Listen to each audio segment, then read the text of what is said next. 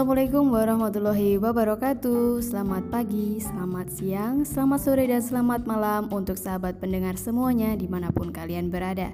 Bagaimana sahabat kabarnya hari ini? Baik-baik saja. Semoga yang tidak baik-baik saja lekas baik-baik saja ya.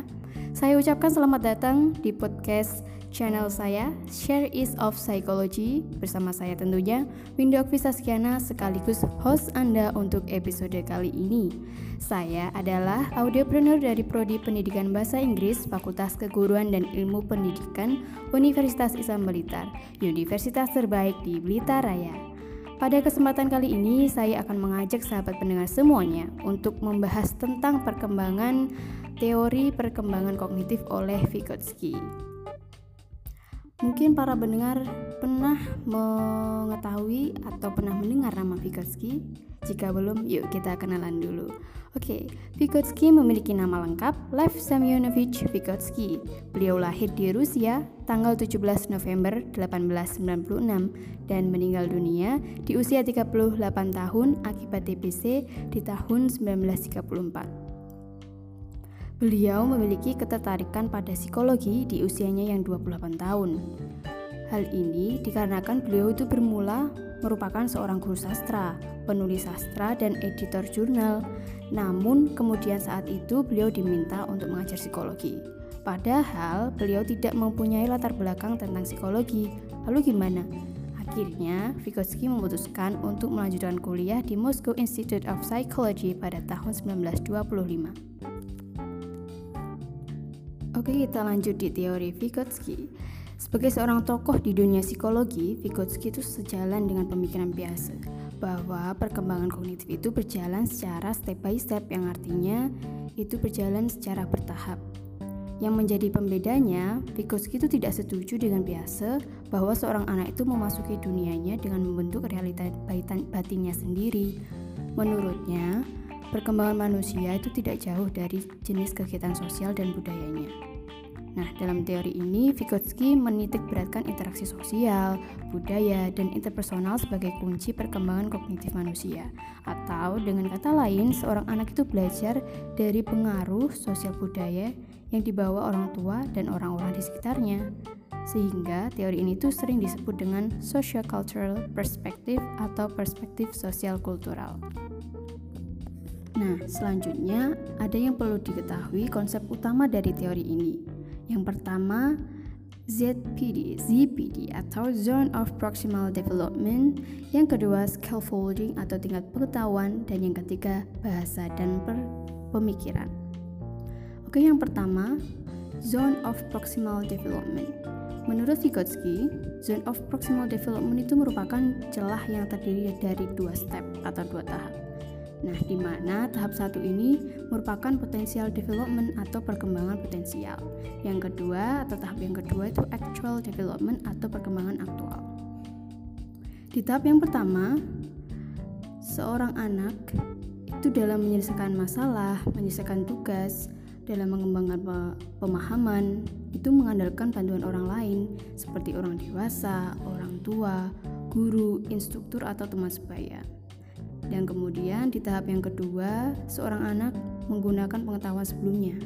Nah, dengan pengetahuan sebelumnya itu mereka melaksanakan tugas itu tanpa bantuan orang lain. Nah, di sini mereka berlatih sendiri yang menandakan mereka dalam melakukan aktivitas tertentu tanpa bantuan orang lain dan mereka mengandalkan kemampuannya sendiri.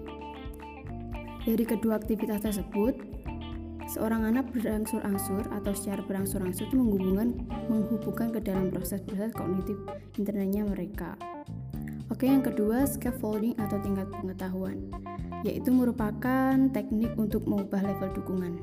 Nah, gimana nih maksudnya? Maksudnya, orang yang lebih ahli, seperti guru atau siswa yang lebih mampu, memberikan kepada seorang anak sejumlah besar bantuan selama tahap-tahap awal pembelajaran. Jadi di tahap pembelajaran yang awal mereka akan memberikan bantuan secara maksimal. Nah, kemudian bantuan tersebut dikurangi. Nah, kenapa? Untuk memberikan kesempatan kepada anak untuk mengambil alih tanggung jawabnya. Lalu bantuan-bantuan guru atau orang lebih itu seperti apa? Bantuannya yaitu berupa petunjuk, peringatan, dorongan, menyelesaikan masalah dengan bentuk yang lain yang memungkinkan siswa atau anak itu dapat mandiri.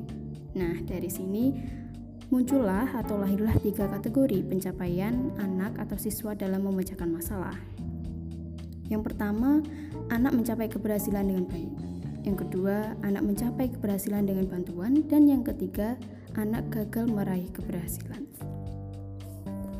Oke, berlanjut ke konsep utama yang ketiga yaitu bahasa dan pemikiran. Salah satu kognitif yang paling penting yaitu bahasa. Kenapa? Bagi orang dewasa antara bahasa dan pemikiran itu saling berkorelasi. Letak hubungan keduanya yaitu ketika kita ingin mengungkapkan pikiran kita, kita curahkan itu dengan cara berkomunikasi. Nah, keterkaitan ini juga berlaku pada anak-anak. Anak mulai mengungkapkan pikiran mereka ketika mereka berbicara. Ketika berpikir dan berbahasa, anak-anak sering berbicara sendiri tanpa bermaksud berbicara atau berkomunikasi dengan orang lain. Kita sering menjumpai ya seorang anak anak kecil itu suka ngomong-ngomong sendiri. Nah, itu mereka berada di tahap ini. Nah, kemudian di dalam bahasa dan pemikiran ini yang menjadi peran penting yaitu private speech atau self talk dan inner speech. Waduh, apaan nih? Oke, self talk atau private speech ini biasanya dialami oleh anak umur 2 tahun. Nah, kebiasaan ini merupakan kebiasaan berbicara dengan diri sendiri. Nah, ini sebenarnya sebenarnya sudah menjadi suatu aktivitas yang normal ya bagi anak-anak usia dini gitu. Nah, fungsi dalam perkembangan kognitif yaitu anak-anak belajar membimbing dan mengarahkan perilakunya dalam proses dalam proses menyelesaikan masalah. Misalnya, ketika anak bermain Lego dan akan membuat bentuk perahu misalnya. Nah, kemudian di bentuk perahu tersebut ada satu uh, yang masih belum utuh. Jadi dia akan bertanya atau berkata dengan dirinya sendiri, "Aduh, Lego yang satunya mana ya?" Kok tidak ada akhirnya dia akan berusaha atau mencari Lego tersebut nah yang kedua inner speech yaitu biasa dialami oleh anak di umur 7 tahun Anak-anak menggunakan kemampuan berbicara sendiri untuk merencanakan dan mengendalikan perilakunya itu secara mental, yaitu pembicaraan secara batin. Dan yang mana orang lain itu tidak bisa melihat dan mendengar yang mereka lakukan. Gitu. Jadi yang paling pembeda atau menjadi pembeda antara keduanya yaitu self talk itu secara lantang ya berbicaranya dan inner speech itu secara mental atau hanya dalam batin sendiri. Oke, itu dari saya teori tentang Vygotsky. Dan ya, terima kasih atas kebersamaannya dengan saya. Semoga yang saya bagikan hari ini bisa bermanfaat. Amin amin ya rabbal alamin. Salam sehat dan salam entrepreneur Unisba. Kreatif, integratif, inovatif, energetik. Sampai jumpa. Wassalamualaikum warahmatullahi wabarakatuh.